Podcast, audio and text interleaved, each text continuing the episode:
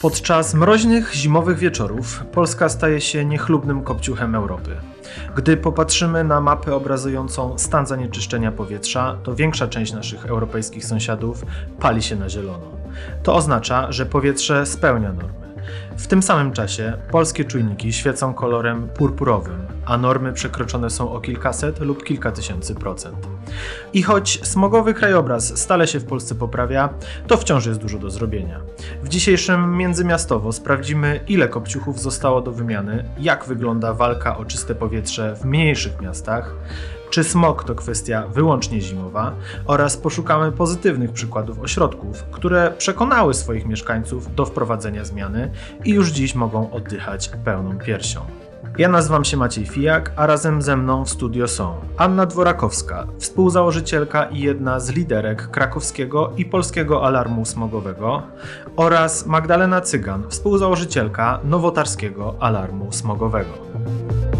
Międzymiastowo. Podcast miejski Kluby Jagiellońskiego. Na początek nakreślmy słuchaczom, e, jak wygląda aktualny stan rzeczy, e, jak wygląda sprawa smogu w naszym kraju, to znaczy, co już udało się zrobić, ile jeszcze jest do zrobienia i kiedy pozbędziemy się problemu. I to jest pytanie do Anny Dworakowskiej. E, dzień dobry wszystkim. No, przez ostatnie lata sporo udało się zrobić, ale niestety przez ostatnie miesiące E, sporo zostało zepsute i walka ze smogiem tak naprawdę została e, odgórnie, rządowo e, wstrzymana, więc tak szybciutko podsumowując. Rzeczy, które na poziomie krajowym na pewno udało się zrobić takich rzeczy legislacyjnych, to udało się zakazać sprzedaży tych najbardziej kopcących kotłów, zwanych potocznie właśnie kopciuchami, ze względu na to, że e, emitują one bardzo duże ilości zanieczyszczeń. E, udało się wprowadzić normy jakości węgla, bo przed 2000 bodajże 18 rokiem można było sprzedawać praktycznie wszystko. Ta działka była zupełnie nieuregulowana. E, udało się otworzyć program Czyste Powietrze, czyli dotacje do wymiany właśnie tych kopciuchów, bo to kopciuchy są e, główną przyczyną zanieczyszczenia powietrza w Polsce, jeżeli chodzi o zanieczyszczenie pyłem. Myślę, że udało się e, zbudować świadomość społeczną problemu. Kiedy my zaczynaliśmy działania tutaj w Krakowie, o smogu w Polsce w ogóle nie mówiono. O smogu w Krakowie słyszeliśmy zazwyczaj na początku sezonu grzewczego, pojawiało się kilka artykułów i, i to by było na tyle. Więc na pewno tą świadomość, że w ogóle jest problem właśnie z tymi kopciuchami, że to, to, to jest główna przyczyna zanieczyszczenia powietrza w Polsce. Na pewno to się udało zrobić, ale też niestety wiele, wiele nieodpowiedzialnych wypowiedzi w przeciągu ostatnich kilku miesięcy, chociażby prezes Kaczyński mówiący o tym, e, że można ogrzewać e, się wszystkim poza oponami czy, y, czy chociażby ojciec e, prezydenta Dudy, Jan Duda, tutaj nasz lokalny, małopolski polityk, e, mówiący o tym, że smok jest bodźcem a i potrzebujemy tych bodźców do życia. No, to niestety kruszy tą świadomość ekologiczną. Na pewno dopłaty do węgla, bardzo hojne, również wstrzymują proces wymiany kopciuchów. Więc tak, no i oczywiście zawieszono też normy E, jakości e, węgla. Więc e, widzimy pewną zapaść, można powiedzieć, w polityce antysmogowej państwa. No i to jest bardzo niedobrze, bo, bo powietrze wciąż, mimo że z roku na rok coraz lepsze, wciąż, wciąż niestety no, nie spełnia E, standardów. E, tak ogólnopolsko patrząc, e, w centralnej ewidencji emisyjności budynków mamy około ponad 2 miliony kopciuchów zapisane. Tak? Nie wiemy też w sumie, ile z nich tak naprawdę jest użytkowanych, no ale to jest, to jest bardzo dużo.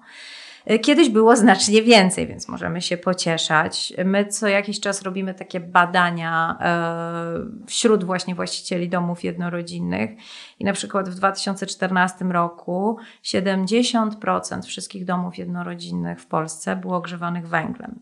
W 2020 50%. No więc przez te 6 lat 20% czy 20 punktów procentowych mniej to jest zmiana na lepsze, no ale wciąż mamy ogromny, ogromny problem. Jeżeli popatrzymy w ogóle na Polskę z punktu widzenia jakby całej Unii Europejskiej, to w Polsce spala się 87% węgla, który jest spalany w domach, w gospodarstwach domowych w Unii Europejskiej, a więc inne kraje e, Unii Europejskiej no, praktycznie szczątkowo używają węgla do ogrzania. No i to jest nasz, nasz główny problem. Myślę, że też e, ważną kwestią są te uchwały antysmogowe, które obowiązują w większości z polskich województw. Co prawda no, Małopolska i Łódzkie ostatnio zaczęły coś tam majstrować, no ale mm, suma summarum te ograniczenia wchodzą w życie. Mhm. Weszły z 1 stycznia 2023 roku w Warszawie, więc to chyba też jest e, ta, to budowanie świadomości, o której mówisz. E, tak, jak najbardziej. Uchwały antysmogowe są podstawowym takim instrumentem prawnym antysmogowym na poziomie regionów.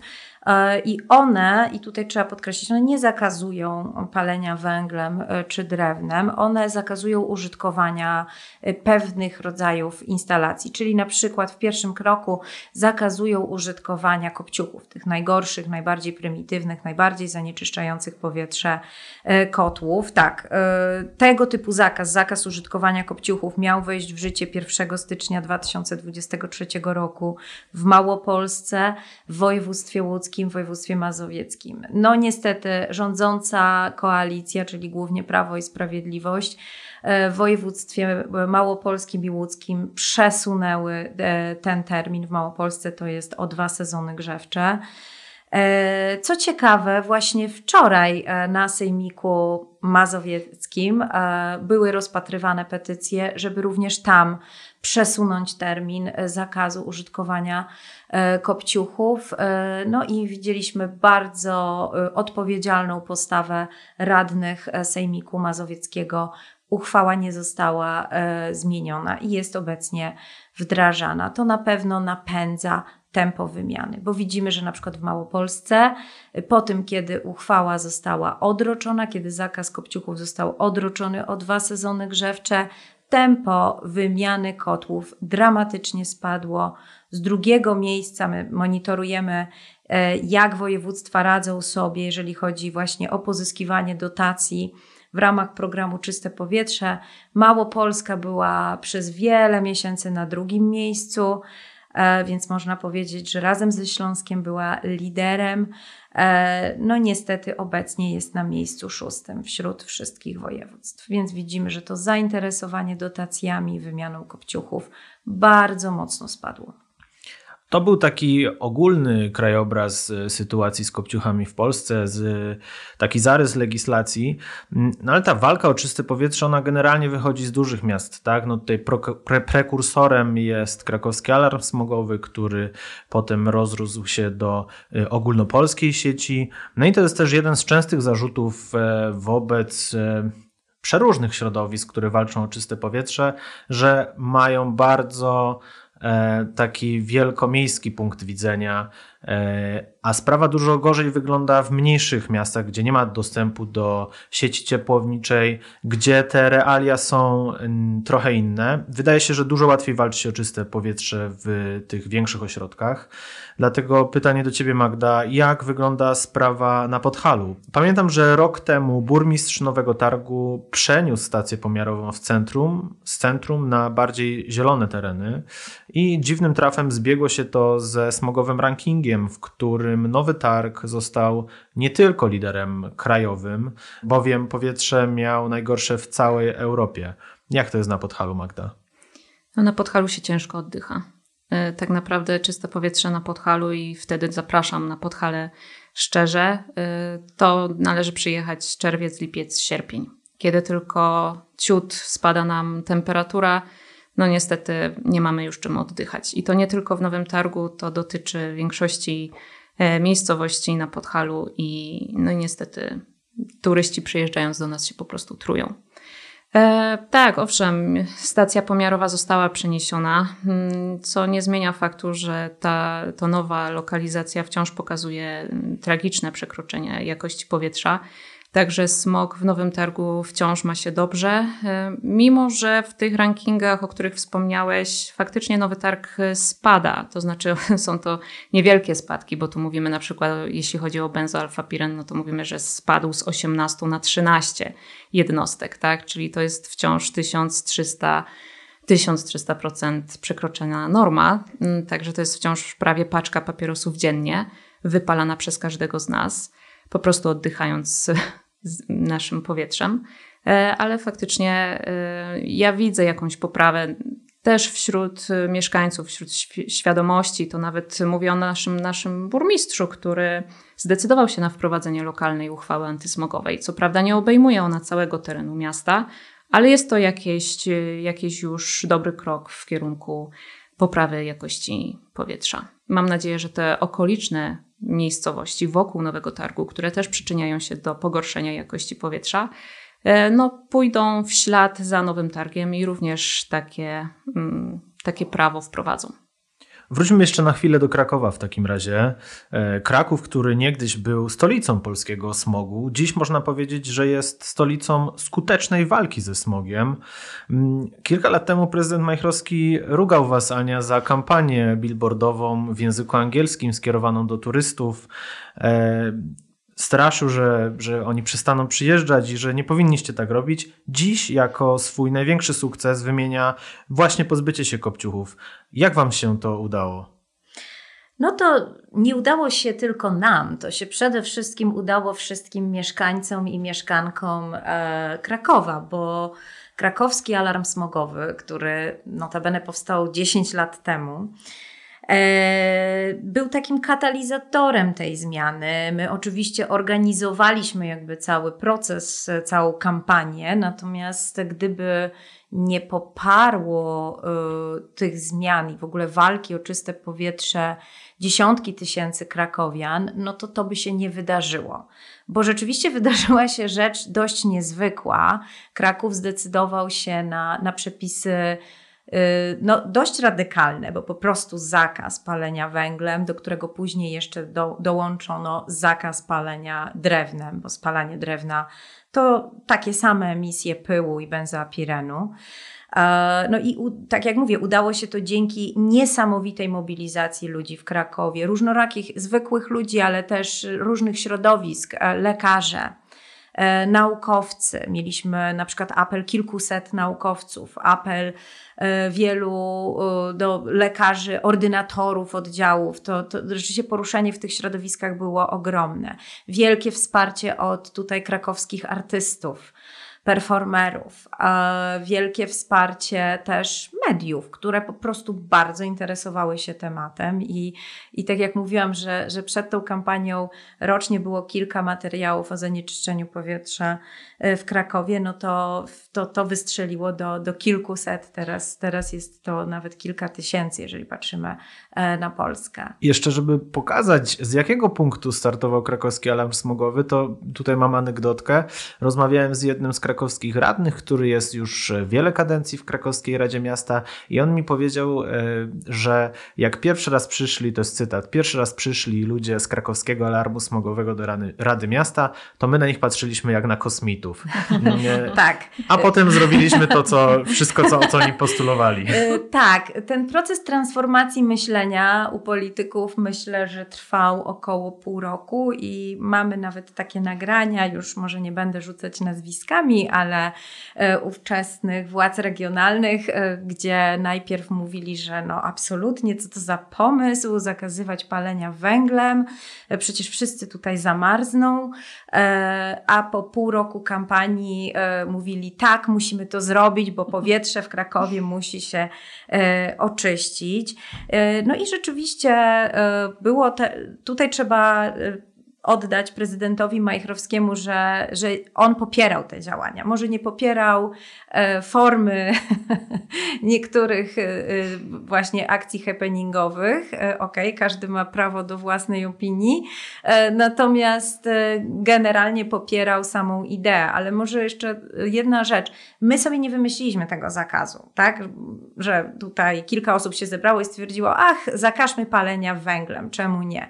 Nie, to, to ta rekomendacja zakazu palenia węglem i drewnem wynikała z programu ochrony powietrza.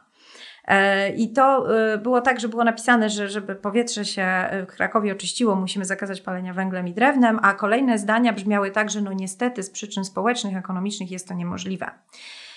I to, co my próbowaliśmy zrobić, to pokazać, że to jest możliwe i że możemy tak zarządzić tą zmianą, żeby rzeczywiście ludzie nie ucierpieli, ale żebyśmy wszyscy wygrali.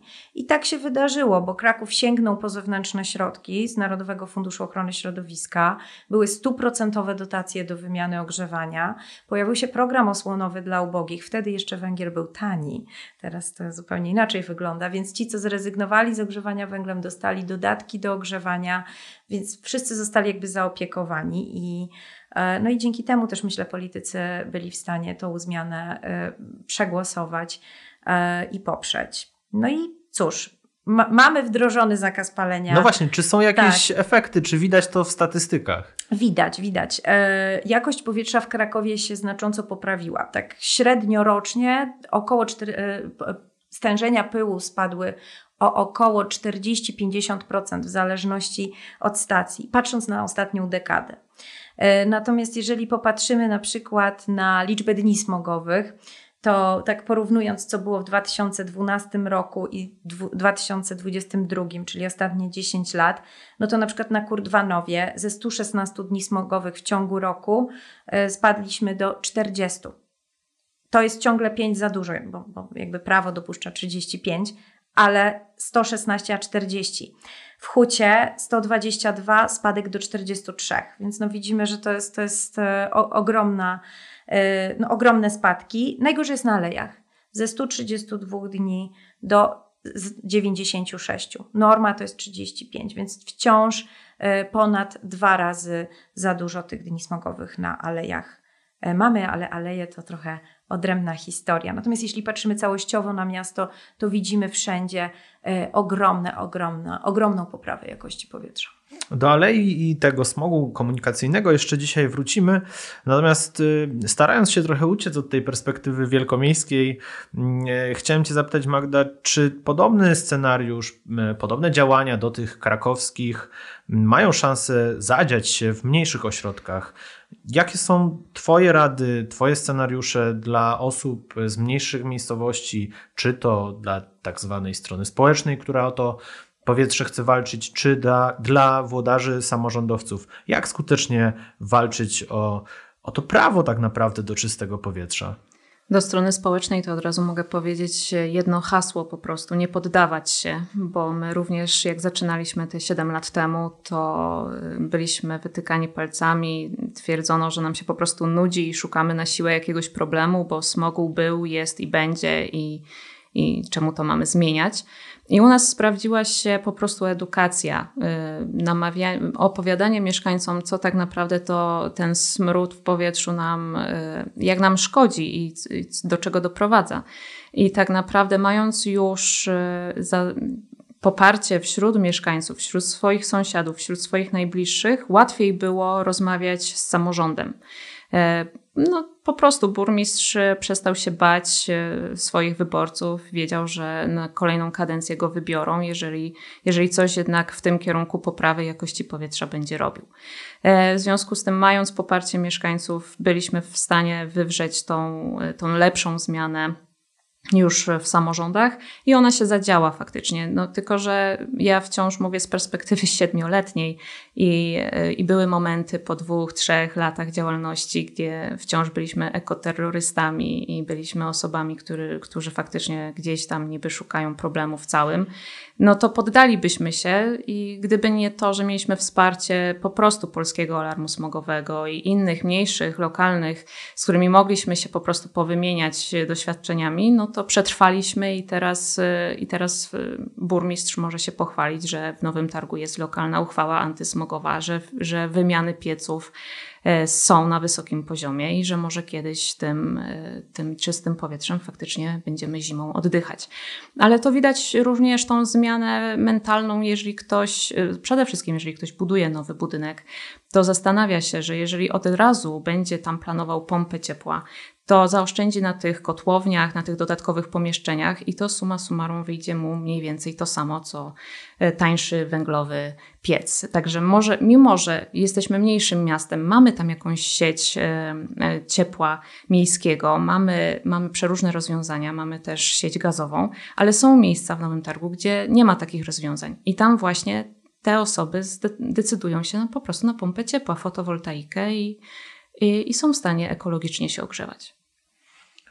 Czyli y, tak podsumowując, y, trzeba poprzez y, zmianę społeczną, poprzez namawianie mieszkańców pokazać politykom, że ten punkt krytyczny zwolenników, że tak powiem, czystego powietrza został przekroczony i politycznie bardziej im się opłaca popierać te zmiany i wprowadzać je i wyciągnąć to czyste powietrze do swojej agendy, bo po prostu ich wyborcy tego potrzebują. Dokładnie Zgodzisz się tak. z tym? Dokładnie tak. Dokładnie taka była, taki, tak to wyglądało w Nowym Targu.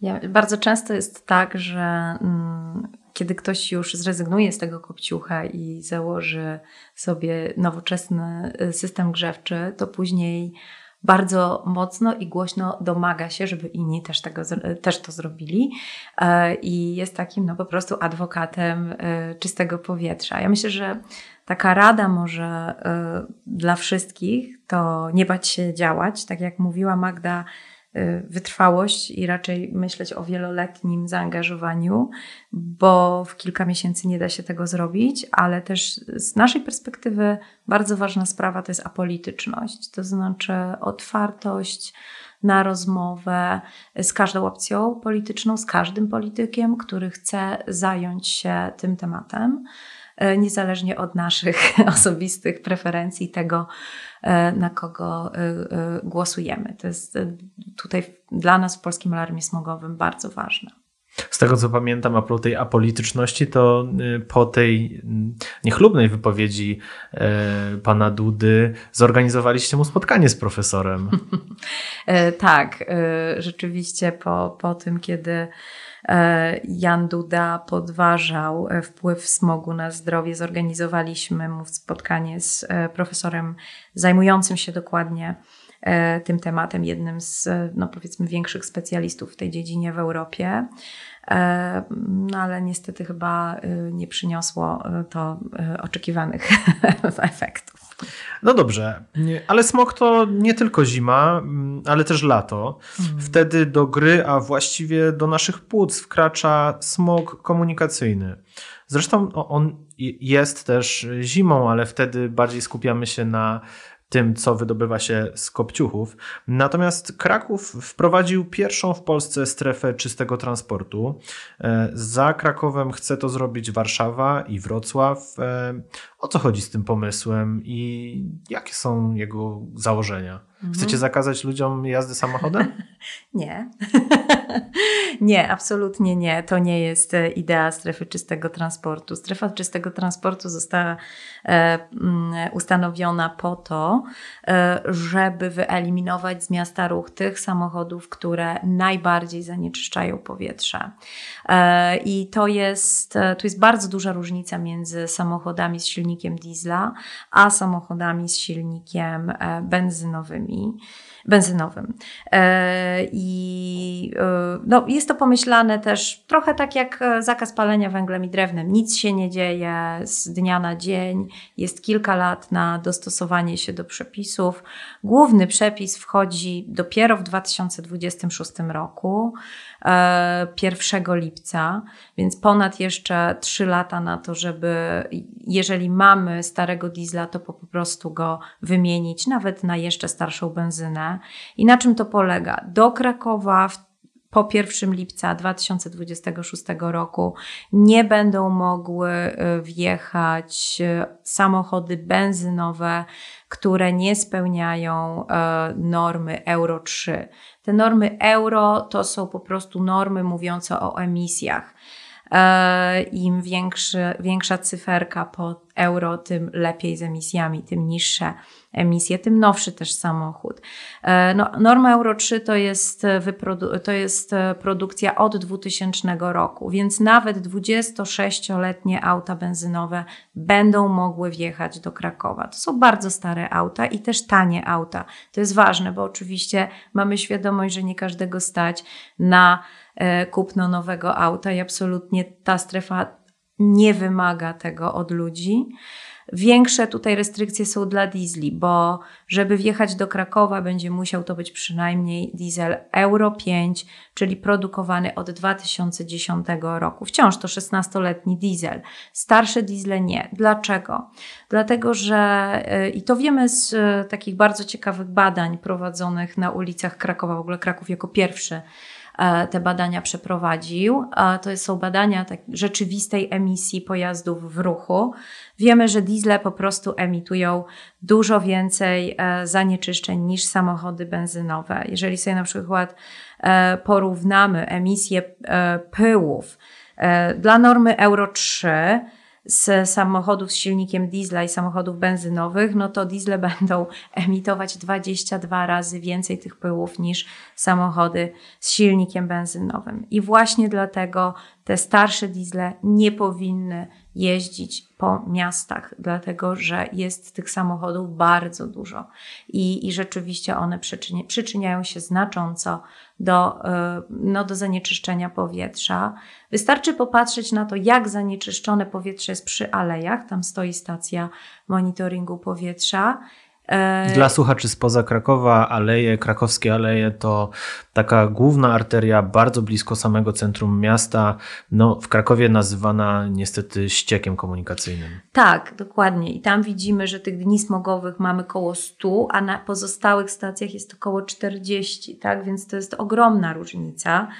E, No i żeby coś z tym zrobić, po prostu musimy się rzeczywiście z tego ruchu, ruchu miejskiego pozbyć, przede wszystkim starych diesli. Także nie, strefa nie zakazuje poruszania się samochodami. E, oczywiście e, dla powietrza i nie tylko dla powietrza, ale w ogóle dla tkanki miejskiej byłoby świetnie, gdyby mniej osób jeździło samochodem i przesiadło się czy to do komunikacji miejskiej, czy na rower, no ale z tą komunikacją miejską też różnie bywa i wiemy, że, że tutaj potrzebne są znaczne e, inwestycje. Może jeszcze tylko jedna rzecz. Ta strefa w Krakowie to jest naprawdę duża sprawa, bo to nie jest pierwsza strefa w Polsce, ale to jest w ogóle pierwsza strefa czystego transportu na wschód od Berlina, więc, więc naprawdę duży i odważny krok e, Krakowa. Ja jestem dumna, że e, w jakiś tam sposób w tym uczestniczyłam e, i że to właśnie Kraków zrobił ten krok jako pierwszy.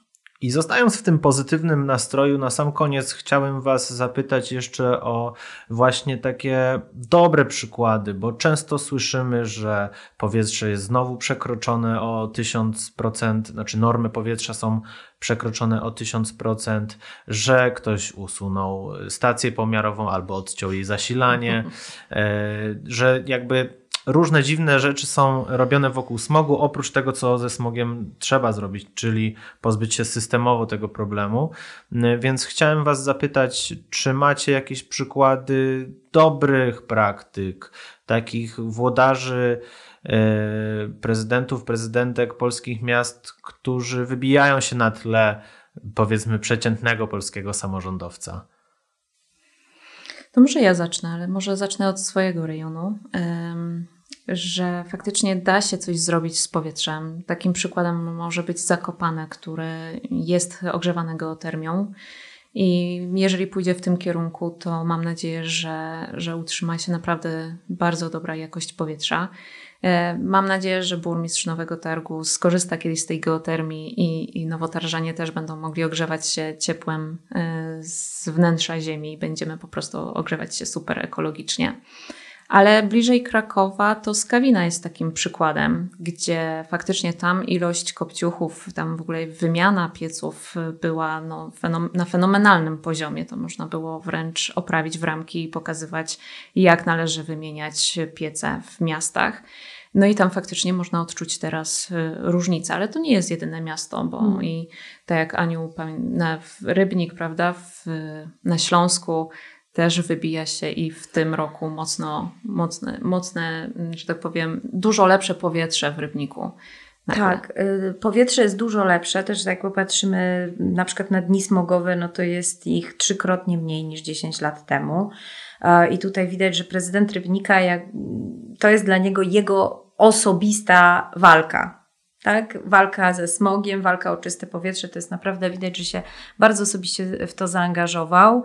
E, No i to jest jedno z takich aktywniejszych miast na pewno w Polsce, e, jeśli chodzi e, o te działania. Jeszcze do niedawna tych kopciuchów mieli 14 tysięcy, teraz zostało im 5 tysięcy, no i jest poprawa jakości powietrza. To samo Skawina, ze 123 dni smogowych spadek do 33, usunięto 2,5 tysiąca kopciuchów, zostało 700, więc to widać, że to w niektórych miejscach naprawdę to już zmierza ku końcowi, no ale powietrze się przemieszcza niestety. Tutaj jako krakowianie, krakowianki wiemy o tym dość dobrze, bo, bo ten smog napływa, pyły napływają do, e, do Krakowa z innych powiatów. E, Generalnie wokół Krakowa ten obważanek krakowski jest dość aktywny. Na, na tle innych gmin małopolskich gminy naokoło Krakowa całkiem dobrze sobie radzą. Te, I widzimy że ta wymiana kopciuchów idzie, no nie tak szybko, jakbyśmy chcieli, bo wciąż naokoło Krakowa dymi 13 tysięcy kopciuchów, e, ale było dwadzieścia kilka jeszcze całkiem niedawno temu. Więc, więc gdzieś to w dobrym kierunku zmierza. Mnie martwi jedynie jakby właśnie zastopowanie tej akcji, tak? I, i, i, to, że rząd robi bardzo dużo, żeby te, ten efekt zepsuć. E, Ale też są różne takie fajne przykłady, na przykład w Ikołomii w Wawrzyńczycach, to jest też jedna z gmin podkrakowskich, zatrudniono jako straż gminną jednego pana na pół etatu i to robi ogromną różnicę. Pan Grzegorz, e, który z wielką pasją podchodzi do tego, co robi. E, I to jest takie rozwiązanie właściwie dla każdej gminy, bo często słyszymy, to jest, to jest duży problem, tak, e, że ludzie w mniejszych miejscowościach są bezbronni wobec kopcących sąsiadów, bo po prostu nie ma służb kontrolnych. Kontrolują urzędnicy, którzy przychodzą po tygodniu lub dwóch, nie mogą wystawić mandatu, to po prostu nie ma sensu. No i tu jest bardzo proste rozwiązanie. Wystarczy zatrudnić jedną osobę, nawet na pół etatu, podzielić się tą osobą z drugą gminą. Tak właśnie robi i Gołomia. Więc e, i, już jest różnica, bo, bo, bo nie jesteśmy bezbronni jako mieszkańcy, którzy chcą oddycha, oddychać e, lepszym powietrzem. Więc tych takich, można powiedzieć, dobrych, e, dobrych praktyk czy, czy jaskółek jest całkiem sporo. Mam nadzieję tylko, że po prostu to nie zostanie e, zniszczone i zepsute tym, co w obliczu kryzysu energetycznego no, robi, e, robią władze centralne i też regionalne w Małopolsce. Skawina, o której powiedziałyście, jest takim ciekawym przykładem, bo pod oknami y, burmistrza Skawiny y, stoi taki zdezolowany, stary, zardzewiały kopciuch, a przy nim informacja, że szanowny mieszkańcu, mieszkanko, jeżeli posiadasz takiego kopciucha, musisz się go pozbyć i tam pada odpowiednia data. Więc widać, że ten przykład też, y, też idzie z góry i myślę, że to jest, y, to jest całkiem ważne. E, Bardzo Wam dziękuję za rozmowę. Naszych słuchaczy i słuchaczki zachęcam, aby sprawdzić jakość powietrza w Waszym miejscu zamieszkania, aby sprawdzić, ile kopciuchów wciąż dymi i co robią Wasi samorządowcy, czy robią cokolwiek, aby ten problem zwalczyć. Tradycyjnie zapraszam do odsłuchania pozostałych odcinków Międzymiastowo i dziękuję za dziś. Dziękujemy. Międzymiastowo. Podcast miejski Kluby Jagiellońskiego.